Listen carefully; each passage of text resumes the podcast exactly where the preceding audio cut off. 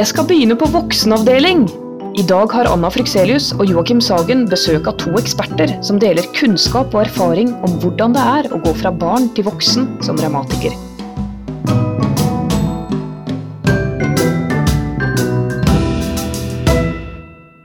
Hvem er det som har bursdag? Det er Burg som har bursdag! I år! I år! Altså, er det fantastisk, eller Burg begynner å bli gammel? 40 år. 40 år er Burg i år. Eh, og I forbindelse med Burgs eh, 40-årsjubileum og bursdag, så, så vil vi ta opp et tema som er veldig veldig relevant for mange burgere og mange av våre unge medlemmer.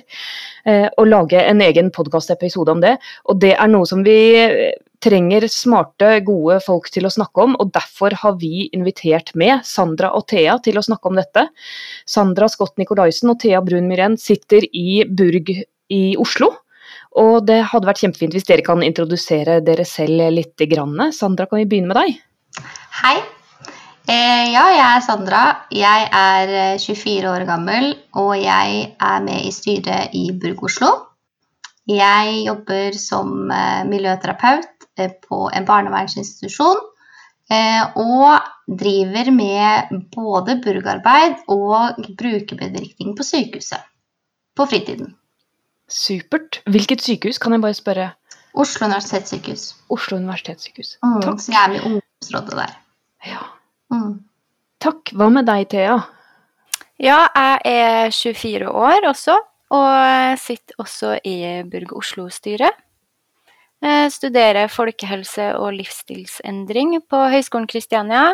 Eh, og så er jeg eh, bassenginstruktør for revmatikere. Så kult. Mm. Og dere har jo da virkelig gått gjennom det vi skal eh, snakke om i dag. Joakim, dere har hatt en spørreundersøkelse i Burg. Jeg vet ikke når dem, det, det, det var vel et år siden eller to at den ble gjennomført, men eh, et Ja, vi hadde en stor, en stor spørreundersøkelse vinteren 2018, hadde vi, eh, hvor vi intervjuet både ungdom og foreldre. eh, eh, Som foreldre til eh, de som har til barn med revmatisk sykdom, og, og ungdommene selv. Da, både de som eh, er på vei til å gjøre en overgang fra barn til voksenavdeling, og de som har gjort den. Eh, Så vi fikk, eh, fikk inn veldig mange gode svar. Og, men det, det var jo altså, det, altså Vi fikk ikke inn gode svar, det var jo egentlig litt sjokkerende svar. Okay. Det var 21 av ungdommene vi spurte, visste ikke at det var siste gangen de var på barneavdelingen. Da de kom til den siste kontrollen. ok. Så, så de hadde gått hele på en måte sin pasientkarriere, eller hele tiden som pasient, hadde de gått på barneavdelingen, som er en ganske spesiell boble innen helsevesenet, er det ikke det? Altså, det kan man vel si? Og så visste de ikke Jo. at det var siste gangen de skulle være der? Eh, Nei, de visste det ikke. Det er eh, egentlig ganske utrolig. fordi at eh, Hvis man følger liksom sånn hvordan det burde være, sånn, så, så uh, sier man at det burde være vekselvise overganger en periode, sånn at man venner seg til og lærer opp si, hvordan det er på voksenavdelingen. da. Er ikke dette noe man har snakket om ganske lenge? At det liksom Oi, dette, dette må vi sørge for at ungdommene får en god overgang fra barneavdeling til voksenavdeling. Men Jo, det er noe man har snakket om eh, lenge, og, men det er tydeligvis vanskelig å gjøre om det man vet til praksis, i hvert fall alle steder. Og det var litt interessant, for når vi lagde den undersøkelsen, så tok vi utgangspunkt i en, en sånn mal for overgang som var gjort på et bestemt sykehus, og selv de fulgte ikke sine egne retningslinjer for overgang, da. Lå, lå, de retningslinjene lå egentlig bare i en skuff. det der, altså. Eh, Fint med retningslinjer som ligger i en skuff. Eh, Men, men også hva slags Hvordan er det? Det vil jeg gjerne høre. Liksom, hvordan opplevde dere det? Eh, Sandra, hvordan opplevde du det? Jeg var på barneavdelingen på Rikshospitalet frem til jeg var 18 år. eh, og følte vel egentlig at jeg gradvis fikk mer og mer ansvar for min sykdom og, og det å være pasient der, jo eldre jeg ble. Em, og følte vel egentlig at jeg ble eh, både godt ivaretatt, men også forberedt på at voksenavdeling er annerledes enn barneavdeling. Eh, og så var jeg litt nysgjerrig på hva er egentlig annerledes, og hvorfor er det så skummelt på en måte som vi skal ha det til. Ehm, og for min del da, så når overgangen kom, så eh, skulle jeg ikke bare bytte avdeling, men jeg skulle også bytte sykehus. Ehm, og det å gjøre det, det var ikke så lett, fordi at uh, For det første så har jo ikke det altså Diakonima har jo ikke samme type journalsystem som Rikshospitalet, så de visste jo ikke hvem jeg var. Uh, og uh, min, uheldigvis så var min siste time på Rikshospitalet, som ikke jeg visste engang var min siste time, det var en akuttime. Så da Jeg er jo en av disse 21 prosentene på en måte som ikke visste at det var siste gangen, da. Eh, og så plutselig så ble jeg innkalt til Diakonhjemmet etter at jeg fylte 18 år, og da var det jo Det var ikke å starte på scratch, men det var jo litt sånn Ok, jeg må fortelle hele sykdomshistorikken min. De er ikke forberedt. De har bare siste eh, epikrisedokument, som egentlig er feil fordi det var akutt, på en måte. Eller ikke feil, da, men altså, det er jo eh, det er ikke, det er jo ikke Det er jo en kronisk sykdom, så det er jo mye mer enn på en måte bare ett dokument. Ehm, og, og det å på en måte da uh, sitte der alene med revmatologen, uh, litt uh, uforberedt og litt sånn hva er dette for noe, var, var skummelt, ja. Men så, så går det seg heldigvis til, og så lærer man jo litt grann, ganske, Eller det er ganske bratt læringskurve. Og man Jeg følte vel egentlig at jeg var ganske godt forberedt, og det redda meg nok. Eh, redda meg nok, da. Eh, Hva med deg, eh, Thea? Altså 68% av ungdommene som ikke hadde byttet avdeling ennå, visste ikke akkurat når de skulle bytte, om det var liksom om eh, i morgen, holdt jeg på å si, eller om et år, eller hadde du en god plan for overføring? Eh, jeg var på St. Olav, eh, for jeg er jo fra Trondheim. Så eh, det, det var en, en, et annet sykehus enn Sandra.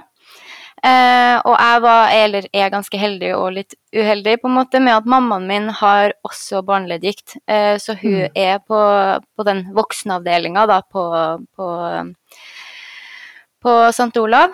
Eh, så derfor var det litt lettere, tror jeg òg, fordi på en måte jeg hadde noen som var kjent, og hun var med meg i starten på voksenavdelinga òg. Hun kjente legene, og hun kjente sykepleierne, og det var en sånn trygghet i det. Og jeg var, jeg var fullt og helt klar over når min siste time på, på barneavdelinga var, da. Mm. Um, så det er jeg jo veldig glad for. Og på i hvert fall St. Olav så har de et veldig bra um, opplegg for unge voksne. Så det er en ganske smooth, lang overgang. Så jeg er enda ikke på voksen-voksen. Det er ikke før neste år. Ok. Å ja, dere har sånn mellomavdeling, ja. Ja, sånn ung voksen. Så her har vi Jeg fortsatt Jeg har vært på Diakonhjemmet òg, for jeg har flytta litt eh, fra Oslo og Trondheim i hytt og kanon siden jeg var 18. Men eh, Mm. Så jeg var en tur på Diakonhjemmet for eh, fire år siden. Men så flytta jeg hjem til Trondheim og ble på St. Olav igjen. Så flytta jeg tilbake hit, og da valgte jeg å ikke bytte til Diakonhjemmet fordi jeg trives mye bedre på St. Olav. Ehm, og der er det sånn at nå, nå er det en ung voksentelefon som jeg kan ringe når som helst og snakke med min faste sykepleier. Eh, så det er veldig lavterskel og veldig tettere oppfølging enn på kun voksen, men likevel mindre oppfølging enn på barn. Ja, nemlig, for det blir jeg veldig nysgjerrig på. Hvordan opplevde dere å være på barneavdeling, altså på en måte som tenåring, da? Og Hvordan, hvordan var det som tenåring eh, å, å være på, på Riksen, og hvordan var det som tenåring å Kan ikke Thea du fortelle litt grann om hvordan det var i Trøndelag? Nei, jeg husker faktisk en, den følelsen av For eh, mamma og pappa, eller en av dem, var jo med. Eh, å sitte på venterommet på da barneavdelinga som ja, 17,5-åring, da, med da 90% under fem år. Å Um, ja, shit, såpass. Ja, er så ja. Ja. Eller under ti, eller ja, små i hvert fall. Og jeg er den, ikke sant, tror jeg er voksen alder, eller man syns selv man er voksen, da. Så det var ganske rart å være der så lenge og egentlig. ja. Hva tenkte du, Sandra? Nei, det er jo egentlig ganske interessant, fordi eh, eller på Diakonhjemmet så har de jo valgt å, å lage en ungdomsdag, eh, som er torsdagene som ungdomspasientene kommer inn. Så jeg ser jo egentlig mer ungdom på Diakonhjemmet enn hva jeg gjorde på eh, barne- og ungdomsavdeling på Riksen. Mm. Eh, så, så, sånn sett så har jo på en måte Diakonhjemmet klart å tilrettelegge litt for en, en smoothere overgang med å på en måte ha en ungdomsdag da, hvor vi har samme revmatolog og, og sykepleier i et, i et forløp. Eh, men, men eh, jeg må nok innrømme at eh, sånn som Riksen i hvert fall var tidligere, så var jo det Jeg gleda meg ikke til å komme på sykehuset, men, men måten man ble ivaretatt på eh, og, og oppfølgingen man fikk, var Man ble liksom trygg, da. Mm. Eh, jeg sier ikke at jeg ikke er det på Diakonhjemmet, men det var en, det var en sånn eh, Det er rart å si det, men litt sånn hjem-type følelse. Eh, og det er jo egentlig fint at man kan forbinde det med det. Eh, så eh, ja, jeg syns nok egentlig barneavdelingen kanskje var flinkere på å liksom føle Eller gi meg en følelse av tilhørighet, da. Eh, på, på voksen så er man bare en av en av mange, eller man i hvert fall kjenner litt mer på det, da. Og det er jo litt rart, for sånn det har vært på sykehusene, så er det liksom fra 18 til 100 år er voksne, på en måte. Mm. Jeg kom jo inn med RA på Fikk det diagnostisert på Diakonhjemmet på, på 90-tallet, og da var jeg 19. Eh, så, så, jeg kom aldri inn på barneavdelingen, men det, det, begynte jo når jeg var 17. Men jeg fikk diagnosen da jeg var 19, og da ble jeg behandlet sammen med, med damer i 70-åra. Og, og, tilbudet mitt på liksom bassengtrening, det var sammen med, med folk i 70-80-årene. Så det, mm. det, var ikke jeg, jeg rømte fra det, jeg gadd ikke være med på det, jeg. Joakim, hvordan var din opplevelse med overgang og sånn? Nei, altså det er jo ikke helt uh, ideelt, i hvert fall. Uh, uh, altså nå er jo ikke ung voksen lenger, da, men, eh, men jeg, har vært med i den fasen hvor på en måte man ikke hadde noe særlig bra behandlingstilbud, til at vi nå eh, har ganske bra behandlingstilbud. Sånn at hvordan funksjonen og opplevelsen av sykdommen er ganske stor fra, fra uh, unge voksne til de eldre. Så når man ser de eldre i samme korridor og sånn, og så kan man bli litt forskrekket over hvor dårlige de er. tenker vi Herregud, er det sånn man blir, liksom? Og det er litt sånn psykisk eh, psykisk tøft, da.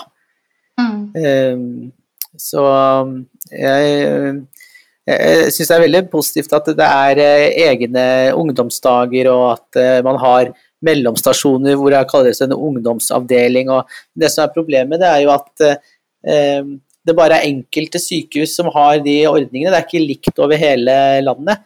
Sånn at det er litt sånn avhengig av hvor man hører til og treffer, da. Hva tenker, eh, hva tenker du om det, Thea? Uh, I forhold til hvem man treffer? Mm. Uh, ja, det har jo jeg et ganske prakteksemplar på i forhold til St. Olav og Diakonhjemmet, at jeg har uh, vært på begge, på altså voksenavdelinga. Og, og, det er jo en fast på Diakonhjemmet, det som Sandra sa, de torsdagene.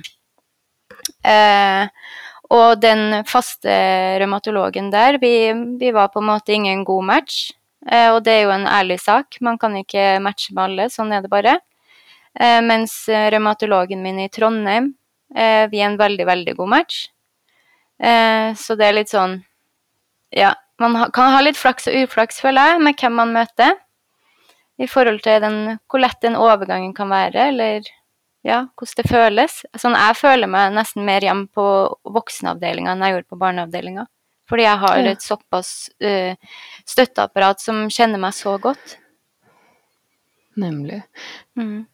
Det er, ikke, det er, jo ikke, helt det samme, da, men, men, det er jo sånn som eh, Joakim sier, i forhold til at man ser, man ser liksom hele spekteret av det å ha revmatisme, eller ulike diagnoser og ulike opplevelser eller hvordan sykdommen er for enkelte. Og det gjør man jo også veldig, eh, i veldig stor grad på behandlingsreiser også. Og den overgangen der også er jo ganske brutal, fordi der er det ganske godt barneopplegg med, med pårørende og, og, familie, og så er det ungdomsopplegg. Og der kan man liksom skimse med 18-19, eh, eh, men så er det på en måte over, eh, over på voksne. Uh, og jeg har, uh, om ikke gråtet, så jeg i hvert fall mange ganger måtte liksom hente meg inn igjen på behandlingsreise, fordi det er brutalt da, å, å se, uh, se holdt på å si hvordan det kan gå, eller, eller hvordan det har blitt da, for mange.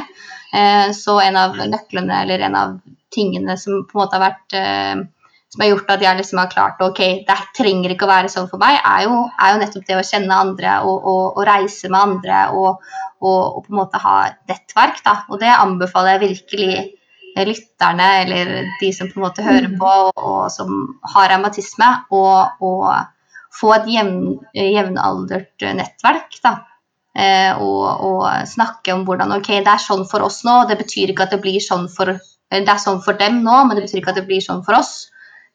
Og, ja, og ufarliggjøre det litt, da. Ja.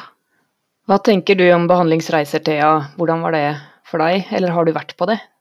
Ja, jeg har vært um, med Sandra, blant annet. mm.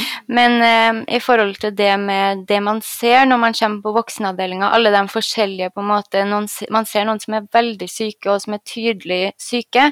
Og så er det sånne som har den der ikke sant? Det er jo en usynlig sykdom. Veldig mange, sånn som meg selv, f.eks., ser helt friske ut. Mm. Eh, men eh, der må jeg trekke inn eh, mammaen min igjen, fordi jeg husker når jeg ble diagnostisert, jeg var jo 15, så jeg var ganske gammel, på en måte. Så jeg var jo ikke på barneavdelinga så veldig lenge. Men da var den eneste tanken min var at jeg, nå blir jeg som mamma. Og mamma er ganske syk. Mamma er hun, Det syns. Men da hadde jeg og mamma en veldig god samtale om akkurat det der med at det trenger ikke å være sånn. Det, kan, det er veldig individuelt, og mamma er over 50 år. Hun ble syk på 60-tallet. Altså, Behandlingsmetodene er jo også helt forskjellige. Så når man sitter på venterommet på voksenavdelinga og ser en 70 år gammel dame eller, ja, som er tydelig syk, så er det også viktig å huske at vi har helt andre behandlinger nå mm. enn det som var når de var på vår alder. Ikke sant. Og det, det, er så spennende, for det er jo noe NRF har kjempa for òg. Uh, og de behandlingene når de kom, så var de dyre, og så fikk ikke pasientene tilgang til de, ikke sant, før, uh, før man virkelig maste om det. Men også, nå snakker vi om hvordan det er uh, å bli voksen, basically, som revmatiker. Og bli flytta over fra, fra, barneavdelingen til voksenavdelingen, som egentlig på en måte er en sånn administrativ prosess da, for, for sykehusene og for, for helsevesenet. Men, men, som virkelig, virkelig påvirker den det gjelder. Og jeg vil veldig gjerne spørre spørre, spørre dere alle tre, egentlig, om, om, gode råd. Hvordan kan vi Hva kan vi hva kan vi tenke på, eller hva kan vi be unge revmatikere tenke på når de er i tenårene og skal flyttes over? Hva kan både de og foreldrene være oppmerksomme på for at det skal gå så bra som mulig? Jeg tror eh, Sandra var inne på noe med dette med epikrise og, og journalføring og og kanskje kommunikasjon mellom avdelingene. Det er jo egentlig altså det er jo luksus i, på St. Olavs hvor barne- og voksenavdelingen er på samme sted. Men selv om mm. det er på samme sted, så kan jo avstanden virke stor, da. Men, eh, men at barnerevmatologen eh, kontakter voksenavdelingen, eller voksensykehuset, eh, og forklarer sykdomsbildet. Altså, ofte så er journalen, hvis de er for korte og, og den voksenrevmatologen ikke kjenner hele sykdomsbildet eller ikke har tid til å sette seg inn i det, så kan man gå glipp av viktige detaljer som handler om hvordan sykdommen har utviklet seg fra man var eh, liten, og som kan påvirke behandlingen i, i voksenlivet. Da. Mm. Så det tenker jeg. Sandra, ja, og så er det noe med at, ehm, at det, er jo, eh, det er jo på en måte meg og min sykdom, og det er jo ikke Jeg har, jeg har brukt lang tid på å på en måte skjønne at ikke, at ikke vi er to forskjellige personer, men at det er vi er hører sammen. da. Eh, og, og det å, å, å, ta litt eierskap over det og, eh, og det å, å, lære litt om det og være litt interessert i hva er, hva er egentlig sykdommen min, og hva Ok, det er de og de medisinene, og hva er tilbudene for meg å, være, å ha en sykdom i, i samfunnet med, med Burg og NRF osv. Eh, og, og, og være klar over det når man da kommer, eller er i overgangsfasen da, til voksenavdeling, og, og være klar over det at ok, nå er det du som på en måte er eh, jeg holdt på å si fasiten, men det er du som på en måte kan komme med din fortelling da, om din opplevelse med å, å ha en sykdom. Eh, og, og, det å da eh, være litt klar over medisinene sine man går på, hva man har gått på, hvordan det fungerte. Eh, eh, samtidig som at man tør å stille spørsmål og også, også være, være, nysgjerrig på at ok, kanskje en ny lege kan gi et annet perspektiv da, enn tidligere eh, leger. Og at det selvfølgelig er litt annerledes når man blir eldre og har revmatisk sykdom enn når man er barn. Det er litt annen type behandling. eh, annen type livs, eh, livsløp, holdt jeg på å si, eller fase i livet. Eh, så det blir jo andre ting man gjerne vil ta opp med revmatologen, og være litt eh, eh, Ja, være ærlig og åpen om det, da. Om den fasen i livet, og være ung, da. Ja. Hva tenker du, Thea? Nei, jeg tenker på det der i forhold til det Sandra sa, med å på en måte kjenne til sin egen sykdom, eh, og vite hva, hva er det egentlig. Og da må jeg bare trekke fram det med f.eks. behandlingsreisene, eller jeg har vært på sånn ungdomssamling på Riksen en gang før jeg ble voksen. Og der, det, og der er det ofte noen foredrag eller liksom en eller annen form for informasjon da, om eh, sykdommen og mulige bivirkninger av medisiner, kanskje, eller ja, fatigue. Sånne ting. Så det har hjulpet meg veldig mye, det at jeg har lært mer om sykdommen generelt. Eh, har gjort at på en måte det er lettere å lære mer om min egen, og sette min egen kropp og min egen sykdom inn i den informasjonen jeg kan da, har lært. Mm. Mm. Enig, det, er jo, det er jo det som er greia, på en måte, at man får ofte generell informasjon om det å ha en revmatisk sykdom, og så den diagnosen man har, og så må man på en måte prøve å finne ut av ok, hva er det som, er det som gjelder for meg, da, og hvordan er det for meg? For det er jo så individuelt. Mm. Og det, og det er det bare vi som kan si til revmatologen. Og det må jo også revmatologen være klar over. i- Når, vi, når jeg møter revmatologen, så er det min på en måte historie. Eh, og når Thea gjør det, så er det hennes opplevelse og historie, da. Eh, ja. Mm, Ja, det er veldig, veldig interessant. Det er litt synd at eh, den ungdomshelgen på Rikshospitalet ikke er lenger, da. Eh, For der fikk man jo sånn perm hvor man skulle skrive ned hvilke medisiner man gikk på, og man lærte liksom å ta ansvar for eh, eget sykdomsbilde, som dere nevnte. Men eh, man må, vi, får, vi, får, vi får satse på at, eh, at de starter opp igjen med det.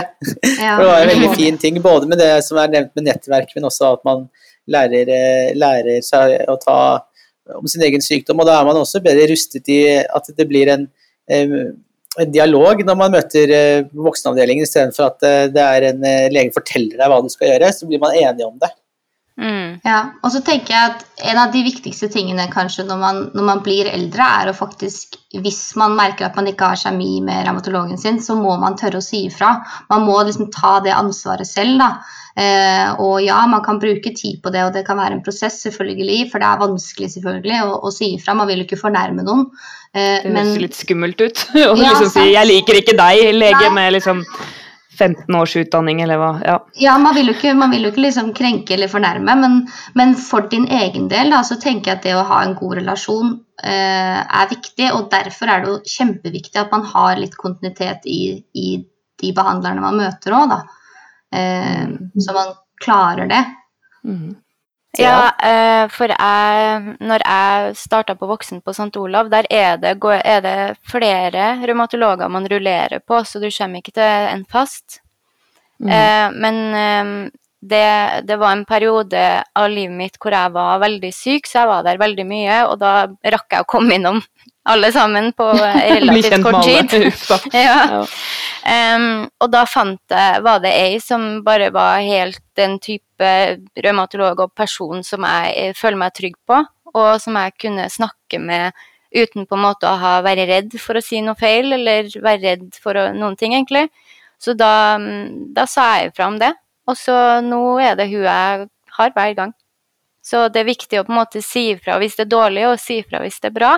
Det er på en måte, for da er er det lettere Ja, da er det lettere å fordi det er jo mulig. Man kan jo Altså, det er det, Man kan få det til. Det er ikke umulig å få en fast heller.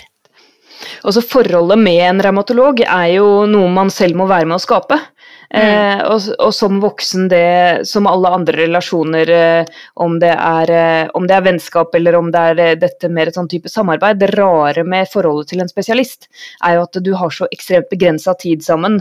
Man? Det er de legetimene om de er 15 minutter, 30 minutter eller 45 minutter maks, liksom. Eh, så, så er det så utrolig mye viktig som skal skje på den tiden. Og, og, kanskje forskjellen da fra, fra barneavdeling og, og, ungdomstid, hvor både den uh, foreldre får være med, og det er de foreldrene som på en måte sitter og holder på all informasjonen om, om deg, da, om barnet, så må du jo ta ansvar for å, å både holde i det, systematisere det selv. Det, sånn, sånn jeg har forstått, så forventer de på voksenavdelingen at det er, det er mye du selv kan, da. Hva er liksom eksempler på det? Thea? Uh, nei, fordi når jeg kom på voksen For på barne så hadde jeg alltid med enten mamma eller pappa. Um, og når jeg kom på voksen, så var de alltid med, men det var ikke alltid de var med inn. For jeg, ville, jeg trengte den støtten, men på en måte hvis det var perioder hvor jeg var veldig dårlig, så kunne jeg merke at da ble det veldig overveldende, og da kunne informasjonen bli veldig mye. fordi det er jo det er mer å prate om da når du er, har en aktiv sykdom, enn når den er eh, i hvile, da. Eh, så jeg merka at når jeg hadde en veldig aktiv sykdom, så, så syntes jeg det var greit å, å, ha med mamma eller pappa inn, selv om jeg var på voksen. Men eh, samtidig, de gangene jeg ikke hadde det, så kjente jeg på den der stolthetsfølelsen av at jeg klarte det selv, og, og, det var en god opplevelse. Og så var de kanskje med neste gang igjen, og så tok jeg litt flere ganger etter hverandre alene, og så sakte, men sikkert så, så drar jeg helt alene. Men jeg merka at det å ha med to ekstra ører, det er like fint på voksen som på barnet, det, når det er mye. Fordi det, det kan bli mye informasjon. Mm. Ja, så tenker jeg at eh, Hvis det ikke lar seg gjøre å ha med mamma og pappa, f.eks., så kan man jo ha med seg en venn eller kjæreste eller en annen man har en god relasjon til. Eh, og jeg også har, har, jeg ikke, jeg har hatt med mamma og pappa eh, eh, og syns at det har vært veldig fint, men jeg har også vært alene, og det jeg merker veldig godt som man lærer seg, er det her med å være forberedt i timen. Og, og sånn sett så er det veldig fint hvis, hvis sykehuset eh, eh, har en sånn spørreskjema på forhånd, f.eks. For eksempel, eh, eller, eller, bare at man selv vet det når man har time. Så tenker man litt igjennom ok, hvordan har det egentlig vært den siste, siste tiden, og, og, hva er det jeg på en måte vil fokusere på. fordi hvis det bare er en halvtime eh, man har, så, så, må man jo prøve å utnytte det, eller benytte seg av den tiden så godt som overhodet mulig. Og da må man noen ganger prioritere, da. Eh, så det å være forberedt. Og så tenker jeg også at det er ikke alltid Eller det er noen ganger hvor, hvor revmatologen har tatt for gitt at jeg skjønner begreper. Og så har jeg liksom Ja, ja, jeg skjønner, jeg er med. ikke sant? Fordi man tenker at det er greit. Jeg har hørt det før. men jeg sånn cirka, liksom. Ja, muligens. Ja, ja. Eh, og så vet man egentlig ikke, husker man liksom ikke helt egentlig hva det betydde. Eh, og da, eh, da, anbefaler jeg virkelig å, å, enten skrive det ned eller, eller, spørre, selvfølgelig, hvis man er komfortabel med det. Eh, eller så, så, så, kan man jo også, hvis man har en god relasjon til sykepleieren sin f.eks., eller en venn som har samme, samme diagnose, så, så, spør. Altså, altså mm. Eh, finn ut av det. Fordi det er ofte de tingene som man ikke helt fikk oppklart eller avklart, da, som på en måte kan ligge og gnage. Um, og det Ja, jeg tror det, er, jeg tror det er lurt å liksom være litt uh, uh, Ja.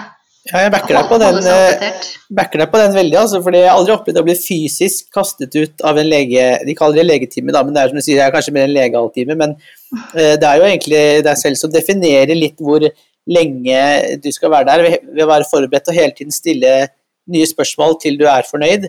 For at eh, ja, ikke sant, Du blir ikke opplevd å bli kastet eh, ut, men hvis du kommer og spør legen hvordan går det Nei, det går bra, det. Ok, jeg har skrevet noen nye resepter, da. Ja, det er fint. Var det noe mer? Uh, nei? Ok, ha det. Og da kan man oppleve at legetimen varer i fem minutter, ikke sant? Mm. Og at man, man ikke er fornøyd. Ja, ikke er fornøyd, ja.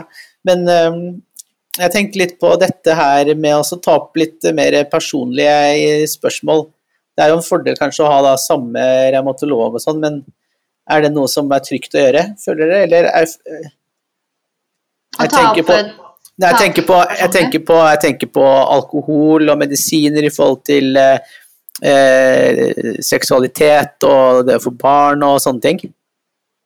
Du tenker at da må det være et tillitsforhold, på en måte? Altså det, det, det å bytte revmatolog, det blir litt sånn vanskelig, eller? Thea? Nei, eh, hva tenker du, Thea? Uh, nei, jeg hadde faktisk eh, time med revmatologen min uh, forrige uke. Og, og, da var det veldig naturlig for oss, på grunn av at jeg har samboer og jeg blir 25 år, og bare åpne opp den luka. Ok, da snakker vi om hvordan det er med graviditet.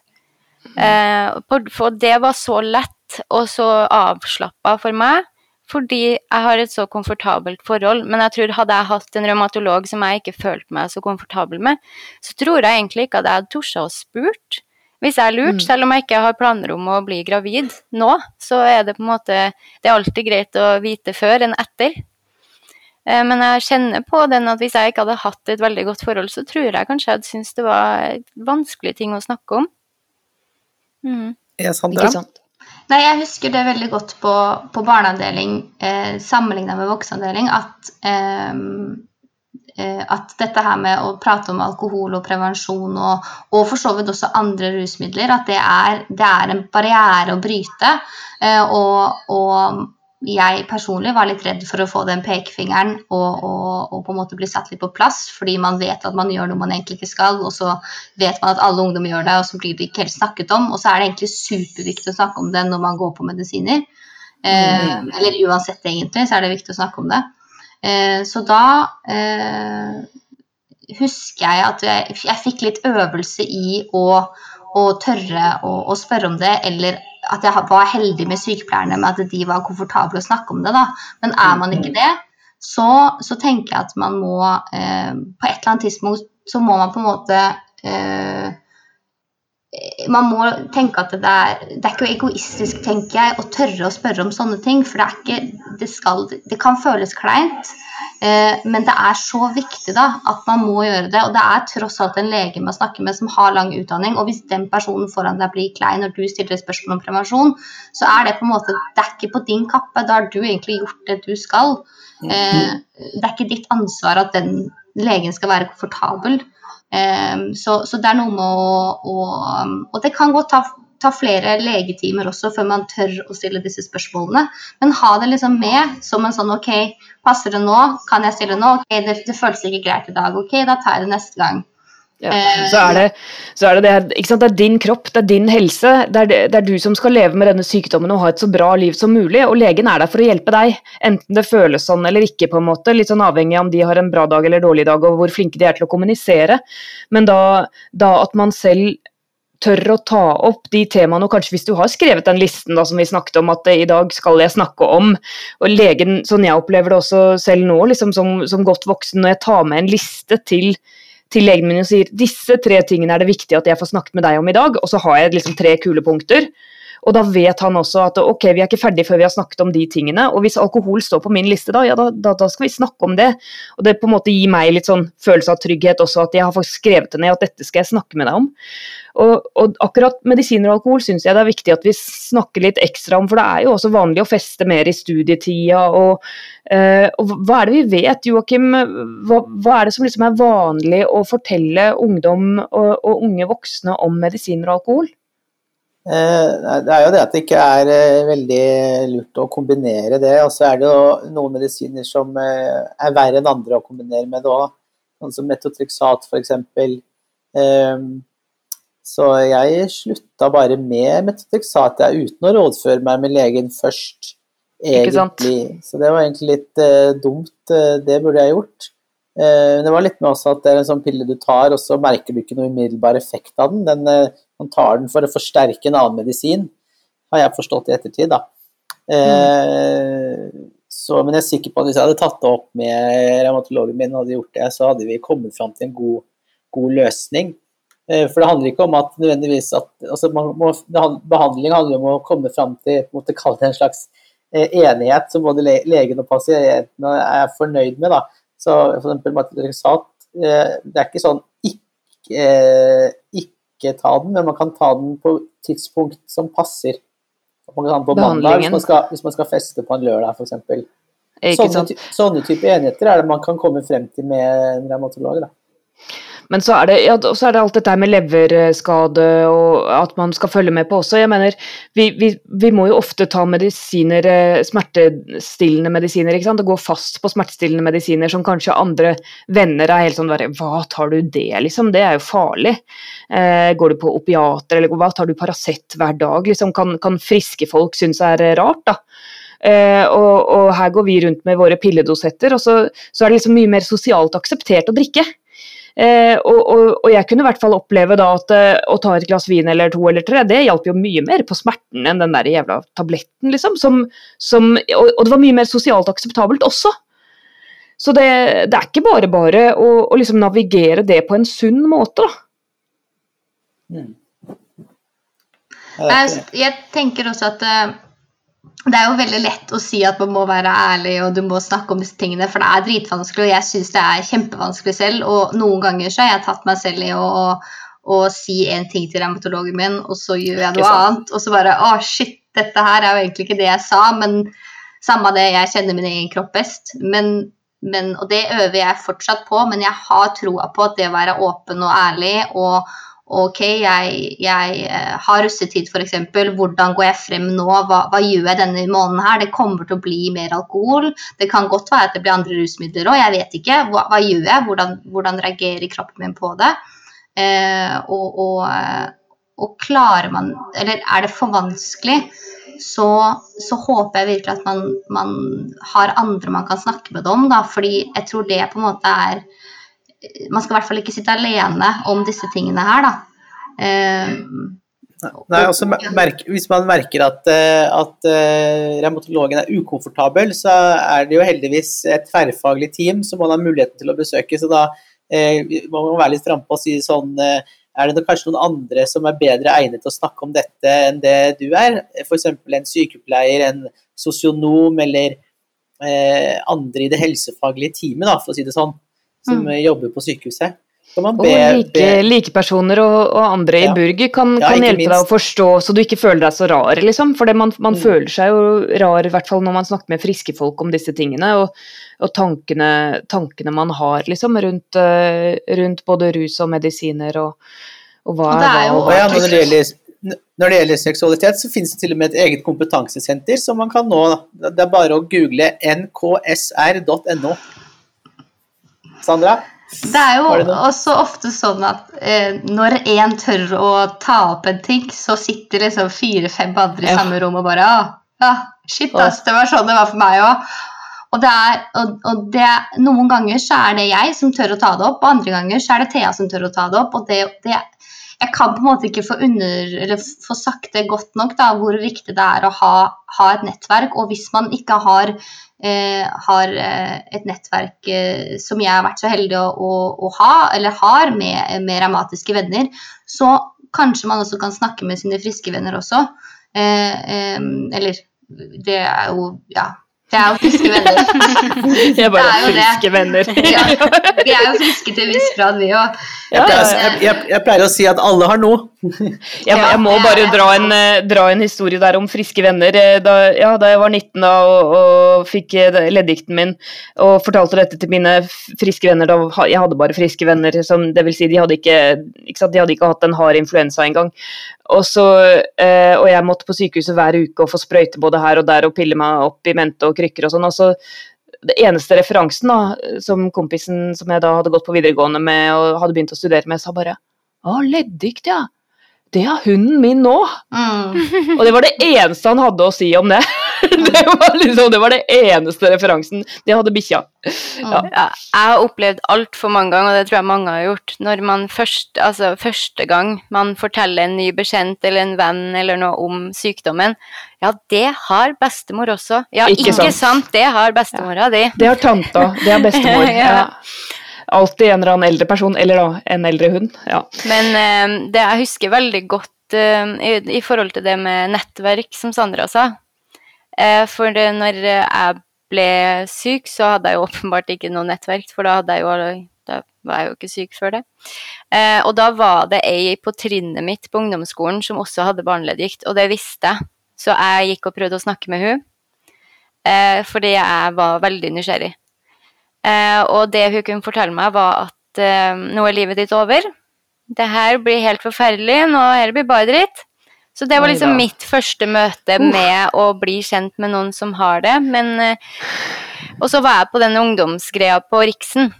Mm. Eh, og der møtte jeg jo folk som hadde litt annet å si, da. Så det var jo veldig bra. Og nå, jeg har jo, altså jeg og Sandra og flere har jo sittet sammen og snakka om det med f.eks. medisiner, og hvis vi Nei, da jeg, jeg droppa den den måneden, eller liksom man snakker litt sånn løst om det og kan snakke veldig åpent om det, som jeg ikke kan gjøre med mine andre venner, da, eller friske venner. Eh, og det er utrolig deilig at vi kan sitte og på en måte sladre litt om leddgikta vår. Litt med det, altså det er, for det blir så ufarliggjort når man snakker med noen som har det, og um, det er et engangstilfelle det er at jeg møtte hun som sa at livet mitt nå var det over. Ja, så bra, så bra. Jeg må bare, jeg bare jeg lurte på en ting. At eh, det som er med eh, unge voksne, er at det ofte flytter på seg. Og så endelig har funnet en voksen, et voksensykehus, en voksenavdeling hvor alt er på stell og fint, og så skal man studere et annet sted av eh, landet. Hva gjør man da? Man begynner helt på nytt igjen. Er det noen som har, har noen tanker rundt det? Ja, Thea? Ja, jeg har jo vært i den situasjonen. Jeg flytta vel fra Trondheim når jeg var Altså første gang jeg flytta fra Trondheim til Oslo, da var jeg 19. Så da hadde jeg vært på voksenavdelinga på St. Olav i et år, da, røftlig. Eh, men da var det over på Diakonhjemmet, og da bodde jeg i Oslo i to år. Så da var jeg på Diakonhjemmet i de to årene. Eh, og jeg skal helt ærlig innrømme at jeg husker ikke så veldig mye av mye Jeg merker at jeg har prøvd å tenke over da, før den innspillinga her om hva jeg egentlig husker, og om det er noe som står ut. Men det er, alt blir på en måte en mølje etter hvert, så det er litt vanskelig å trekke fram akkurat et tidspunkt eller akkurat en følelse du hadde der og da. Mm. Um, og så flytta jeg jo tilbake til Trondheim og, og bytta sykehus igjen. Så og, mm. det har jo gått bra, men jeg, jeg, har en følelse av at det ikke var smertefritt. Men jeg kan ikke mm. sette akkurat fingeren på hva det var. Nei, jeg skjønner. Hva med deg, Sandra?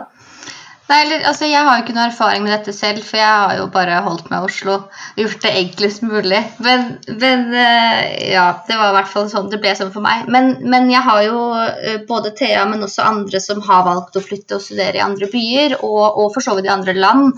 Og jeg veit at det har vært mye utfordringer knyttet til, i hvert fall spesielt med, med utveksling og andre land. Uh, men jeg tenker at eller jeg har også inntrykk av at det å studere i andre steder i Norge da, enn der man på en måte er, er fra eh, man, man, er jo så heldig at man har fritt sykehusvalg, og eh, man kan velge å, å, bytte sykehus, men man kan også prøve å, å opprettholde den, altså kontakten med det sykehuset man, det, der man kommer fra, da, eh, og, og time timene eh, på det sykehuset når man er hjemme og besøker familie f.eks. Eh, mm. man kan, eller man kan velge å opprettholde eh, fastlegen sin, eller bytte fastlege. Altså, det er jo mange muligheter. Og jeg tenker at dette her er jo også noe man, man eh, man må på en måte forberede også revmatologen sin på, da. Eh, når det på en måte er en prosess man ønsker å ta. Mm. Eh, og jeg har, vært, jeg har, ikke vært på utveksling i forhold til studiet, men jeg har vært på reise i utlandet mange ganger. Og eh, har opplevd at det eh, der har det vært for dårlig planlegging, rett og slett. Og da, det som skjer da, at man blir syk, rett og slett. Man blir sykere enn det man kunne vært hvis man hadde planlagt det bedre. Eh, så jeg tror planlegging er lurt. Så det, det, jeg skjønner er jo at det er en kjempestor overgang eh, å, å, bytte fra barneavdeling til voksenavdeling på sykehuset. og Det er veldig mange ting å tenke på, men kanskje det er noen ting som det er lurt å rett og slett øve seg på. Thea, kan, eh, har du noen tips til hva man kan øve seg på? Ja, jeg har eh, faktisk noen tips. det, er, det, er, jo litt som det vi har snakka om tidligere, å øve på å tørre å si akkurat det du mener. Um, og si hva du tenker, si hva du føler. Eh, og still spørsmål, som vi har også vært inne på, og på en måte skrive ned, da. En, ha med mm. deg et notat med spørsmål du lurer på, som du plutselig glemmer du å spørre om dem, så, så skriv en liste på det. Mm. Eh, og um, lær deg også å avbestille og bestille time på telefon, øve litt på det. Om du så mm. da snakker med noen venner eller familie eller noen ting, og bare prøve å på en måte få det sånn at du kanskje klarer det selv. Mm. Og så ta litt ansvar for, eh, for de medisinene du går på. Ha, ha, prøv å ha en god kontroll på medisinene dine, sånn at du også har det sånn måte forberedt da, til timene. At du, du, er fullt og helt klar over hvilke medisiner du tar. Eh, og det er ting jeg tror er veldig viktig å på en måte forberede seg, øve på å forberede seg, ha litt kontroll på, på egen situasjon.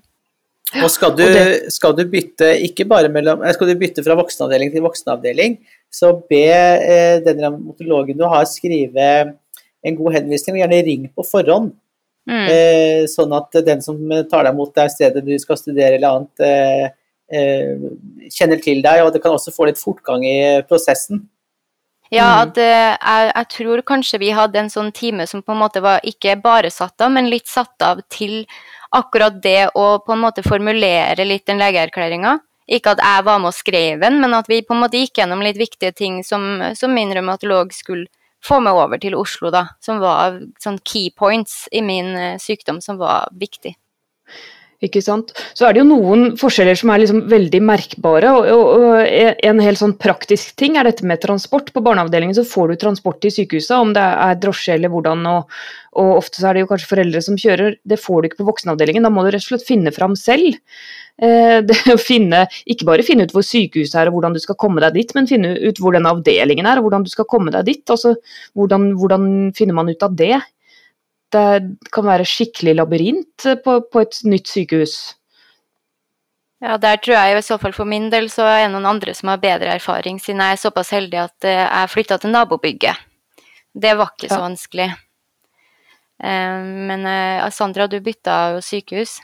Ja, nei, eller altså Jeg, eh, jeg bare Jeg forberedte meg egentlig ikke så veldig mye. Jeg bare reiste dit i andre time eh, og, og spurte i resepsjonen hvor jeg skal, og så fikk jeg hjelp til å komme dit jeg skulle. Så for min del så gikk egentlig det veldig greit. Men det er jo eh, det kan jo være greit for noen som er kanskje litt mer usikre på hvordan dette blir, å reise dit en dag man ikke har time, og bare rett og Se slett hvor det er. Ja, se litt, da. Eh, og, og bli litt kjent med det og bli litt trygg på det før man, før man faktisk skal på timen sin. Da. Og ikke være redd for å spørre om hjelp. Mm. Eh, Ikke sant? Når du kommer, kommer og spør i resepsjonen. Og så er det den, den andre veldig veldig praktiske, eller hva skal man si, håndfaste tingen, er jo det når du er på barneavdelingen og skal tappe et ledd. Eh, Da får man vanligvis narkose eller lystgass, så du ikke kjenner det så godt. Og sånn er det ikke på voksenavdelingen. Har, har dere opplevd dette, eller? Ja, nei Ja. ja. Begge. Alle to, har opplevd det. ja. Ta første, Thea. Ja. Hvordan er det? Eh, jeg var livredd. Fordi når man Altså, jeg har jo aldri sett det på ekte. Eller nå er jeg jo Ja. det, men da der sover sov jo. God søvn, Mm. borte vekk. Så jeg var så redd. Jeg tror faktisk Hvis jeg ikke husker helt feil, for jeg er veldig en sånn nervøs person, veldig redd for sånne ting. Eh, så jeg lurer på om jeg fikk noe beroligende første gangen, jeg. Um, Vi snek i deg noe. ja, fordi det var Jeg, var, jeg gråt og gråt og gråt, for jeg grua meg sånn. Oi. Og det var jo Ja. ikke så fælt som, som jeg trodde, men jeg hadde på en måte, man bygger seg jo opp en forestilling over hvor ille det er når man har narkose når man gjør det. Mm. Men jeg husker jeg spurte da, hvorfor eh, får, fikk man narkose når man var på barneavdelinga og ikke nå? Fordi drømmen min var jo om bare, kan ikke jeg bare fortsette med det, det var jo helt nydelig. Eh, og det var jo, altså den praktiske forklaringa på det var jo det at eh, å få barn, kanskje ikke 17-åringer, men barn da til å ligge stille. Eh, at man, at det, det er mer på det at ikke smertene sånn sett, det er jo vondt og da rører man seg, men det er mer det at man, det er litt nøyearbeid. Så at man ligger i ro, og det er litt lettere for en voksen å gjøre det. Og så er det jo å spare ressurser når du slipper den narkosen, da. Og så er det, det er jo noe med at eh, hvis man har eh, mange ledd, så er jo det en kjempepåkjenning for kroppen å være redd eh, og gjøre det.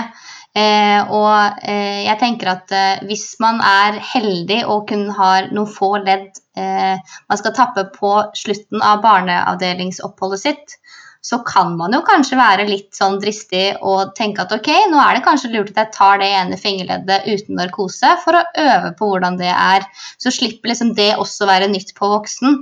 Eh, og eh, jeg også har på voksen fått lov til å porsjonere det utover flere dager fordi at eh, det er eh, det er en påkjenning for kroppen da, når det er, når det er flere ledd eh, man skal ta.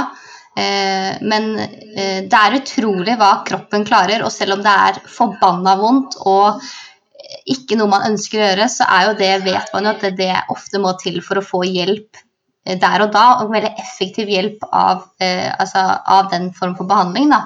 Eh, så hvis man klarer å, å, å gjennomføre det eh, uten narkose, så er jo det Syns jeg nesten det er bedre enn å ta masse, masse medisiner over lang tid. Eh, I tillegg til den medisinen man går på. Mm. Mm. Ja, eh, til slutt så har vi fått inn noen spørsmål fra lytterne våre, ser jeg her eh, nå. Vi har jo vært eh, gjennom ganske mange av de, så vi bare svarer bekreftende ja eller nei på disse nedover. Eh, vi har fått inn tre spørsmål. Spørsmål én er det lett å komme i kontakt med voksenavdelingen hvis man har en hovent ledd eller et eh, annet? Ja. Ja. Ja, jeg er i og for seg eh, eh, enig i det. På veldig mange avdelinger så sier de alltid eh, ring hvis du blir forverring eller noe skjer. Så da gjelder det bare å benytte seg av den muligheten, egentlig. Eh, og ikke tenke at man ikke har vondt nok eller er eh, syk nok. For vanligvis så ber man jo om å komme på jevnlige oppfølgingstimer. Men det kan jo være et halvt år eller ett år mellom hver gang. Og hvis det skulle skje noe, ikke nøl, ta kontakt. Ring til avdelingen og be om en time. Spørsmål to. Jeg skal flytte fordi jeg skal studere. Eh, hva gjør jeg da med sykehus? Det har vi jo da vært eh, igjennom. Eh, spør enten spesialisten eller fastlegen om en henvisning, og gjerne at de tar direkte kontakt selv med det stedet du skal flytte. Eh, spørsmål tre. Kan man ha med foreldre hvis man vil, selv om de er på voksenavdeling? ja, det Ja. kan man. Og man kan også ha med andre enn eh, andre hvis man vil det. Ja. Eh, og det er faktisk eh, anbefalt eh, fra panelet her. I en overgangsfase, i hvert fall. Og så siste spørsmål vi har fått inn fra eh, seerne. Kan man velge hvilket sykehus man skal være på voksenavdeling til? Eh, ja, man blir eh, automatisk overført til det sykehuset man sogner til, som det heter på så flott. Um, men hvis ikke man er fornøyd, det er fordelen med å være voksen. Det er mange flere voksenavdelinger enn barneavdelinger. Så hvis man heller vil på Martina Hansen f.eks. enn eh, Diakonhjemmet, så følger man bare den samme henvisningsmetoden. Så kan man gå inn på frittsykehusvalg.no eller Helse-Norge og finne det sykehuset man eh, eh, ønsker å være på. Så da eh, var det ingen flere spørsmål fra eh, seerne. Eh, Så da tenker jeg vi bare runder av etter hvert, jeg. Ja, altså siste gode råd hvis vi snakker rett til en 18-åring som gruer seg for denne overgangen. Sandra, hva vil du, hva vil du sagt til den personen? Pust med magen og vite at det er du som er ekspert på din egen eh, sykdom. Og, og, og vær, vær selvsikker på det. Takk. Thea, hva vil du si til den personen? Jeg nå satt jeg og tenkte her at du måtte puste med magen, så det Ja, dere Sandra tenker tok, det. Sandra, Sandra Pust tok med fra magen. To ganger, Nei, det går bra. Det går bra. Det går bra. Mm. Pust med magen, det går bra. Det er du som er eksperten på egen kropp. Dette, dette klarer du, og de, de er der for å hjelpe deg. Mm. Og vi er der for å hjelpe deg i Burgo NRF. Vi er på din side. Da sier jeg takk for eh, at dere var med i denne episoden av Raumapodden, og så eh, håper jeg eh, at vi alle klarer å holde oss koronafrie en stund til, til vi kanskje får vaksiner og hvem vet hva. Så, så skal det nok bli litt lettere å, å sees og treffes og gjøre morsomme ting i løpet av neste år. Mm. Takk for denne gangen. I dag har Anna og Joakim hatt besøk av Thea Brun Myhren og Sandra Scott Nikolaisen fra Burg. Vi snakket om hvordan det er å fylle 18 år som revmatiker og bli flyttet fra barneavdeling til voksenavdeling på sykehuset.